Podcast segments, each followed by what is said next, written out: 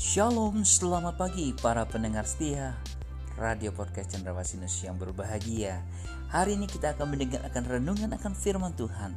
Biarlah firman Tuhan yang hidup itu akan menjadi berkat ketika Anda mendengarnya Dan rema dalam kehidupan Anda. Selamat mendengarkan firmannya.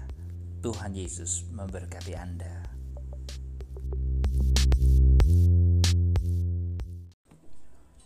Shalom Kembali kita di dalam radio podcast kesayangan kita Cendrawasih News. Hari ini dalam tema pembahasan renungan kita Pria adalah gembala bagi keluarganya. Sedang kekasih dalam Tuhan, apakah yang diharapkan seorang istri dan anak-anak dari seorang pria?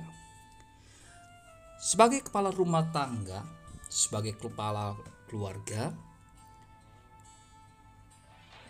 Pasti istri dan anak-anak mengharapkan supaya setiap pria adalah kepala keluarga dapat bertindak sebagai gembala bagi mereka, saudara.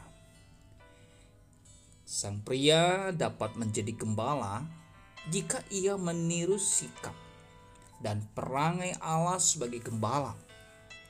Seperti yang terungkap melalui Daud dalam Mazmur pasal 23 Bagaimana Daud selalu memperhatikan akan dombanya ketika dia mengembalakan. Daud akan memberikan rumput yang baik, air yang cukup buat domba-dombanya. Dia adalah gembala yang baik.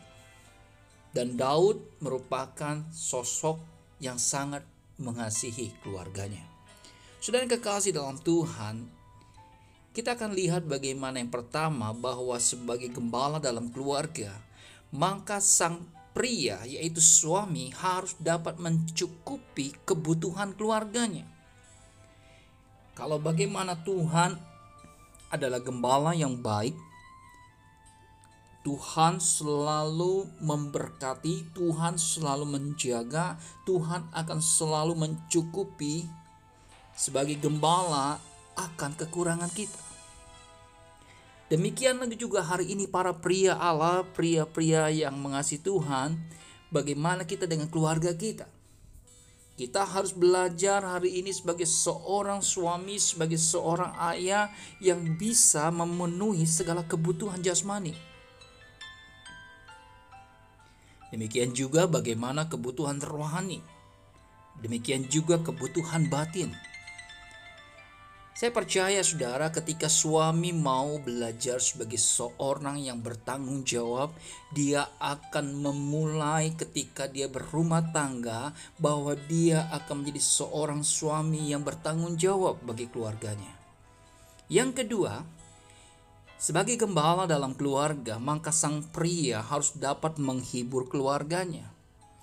Ketika sang pria tidak boleh menjadi seorang monster, yang menakutkan, tetapi kita mau belajar saudara bahwa kita ini sebagai seorang suami, seorang ayah yang jadi alat penghibur seperti Allah yang adalah gembala yang menghibur umatnya. Apa saja yang harus kita perbuat sebagai seorang suami? Kita mau belajar bagaimana dengan jalan kita mengatakan kata-kata yang tepat kepada keluarga kita dengan jalan menjaga emosi yang tidak meledak-ledak. Yang ketiga, bagaimana dengan jalan memberi pujian. Ketika memang itu adalah hal yang baik, yang harus dipuji, saudara harus puji. Baik itu kepada istrimu, baik juga itu kepada anak-anakmu, dan engkau akan memberikan yang terbaik.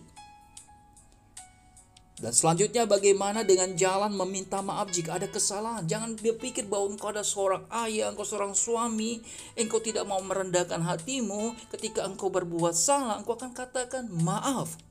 Baik itu kepada suami, kepada maaf, kepada istri, baik juga kepada anak-anakmu. Kita bukan monster, tapi kita adalah seorang suami, kita adalah seorang ayah.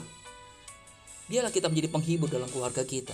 Dan selanjutnya yang ketiga, saudara, sebagai gembala dalam keluarga, maka sang pria, yaitu suami yang seorang ayah, harus dapat melindungi keluarganya.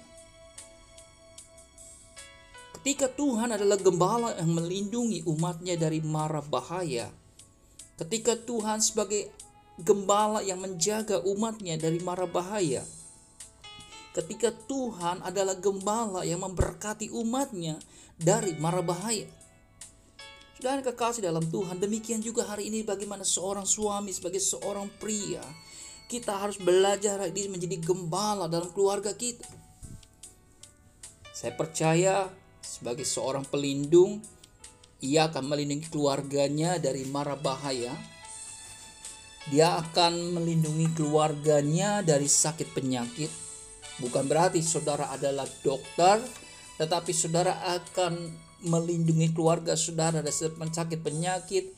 Bagaimana saudara bisa memperhatikan mereka ketika mereka makan atau ketika mereka berada di mana-mana mereka biarlah seorang ayah akan memberi nasihat supaya keluarganya dijauhkan dari sakit penyakit karena keadaan lingkungan dan udara dan sekitarnya. Dan selanjutnya bagaimana kita harus belajar sebagai seorang suami ialah melindungi keluarganya dari tindakan amoral. Bagaimana juga ia akan melindungi keluarganya dari resesi iman kepada Allah. Ini adalah hal yang sangat penting. Bagaimana keluarga diajak supaya setiap anak-anak, setiap istri mau lebih dekat dengan Tuhan. Satu hal yang saya mau bagikan kepada saudara, selain nasihat kepada keluarga, kita harus lebih dekat dengan Tuhan sebagai seorang suami yang mau selalu berdoa kepada Tuhan, yang selalu berkomunikasi dengan Tuhan. Ini hal yang penting karena sebagai seorang suami kita tidak bisa berbuat sendiri. Kita memerlukan Tuhan sebagai Allah, sebagai Tuhan yang akan memperhatikan keluarganya, yang akan memperhatikan anak-anaknya. Saudara, engkaulah kepala rumah tangga. Mari hari ini kita mau bergandengan tangan bersama istri kita kita mau bergandengan tangan bersama anak-anak kita. Kita tidak mampu sendiri. Karena ketika kita ada kesatuan, ada kedamaian terjadi, ada damai sejahtera, ada sukacita, ada pengharapan yang pasti. Dan saya percaya keluarga yang takut akan Tuhan, keluarga yang diberkati Tuhan akan mengalami dampak yang dahsyat, dampak yang luar biasa. Karena dia mau tunduk kepada firman Allah tunduk kepada Allah dan tunduk kepada Roh Kudus karena mereka semuanya akan menjadi anak-anak yang cinta akan Tuhan. Tuhan memberkati saudara hari ini. Saya percaya Tuhan akan memberkati aktivitas saudara. Dan ketika saudara mendengar renungan hari ini, biarlah pria-pria yang mengalami dampak yang dahsyat. Mereka menjadi pria-pria sejati, pria-pria yang takut akan Tuhan. Dan engkau dalam keluarga engkau akan mengalami berkat-berkat yang luar biasa. Terima kasih Tuhan memberkati. Sampai jumpa.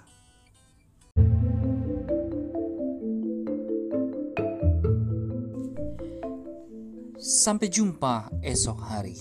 Kiranya damai sejahtera dari Allah Bapa, kecintaan kasih daripada Tuhan Yesus Kristus, dan persekutuan Roh Kudus menyertai kita mulai hari ini, esok, sampai Maranatha. Tuhan Yesus datang kedua kalinya. Sampai jumpa.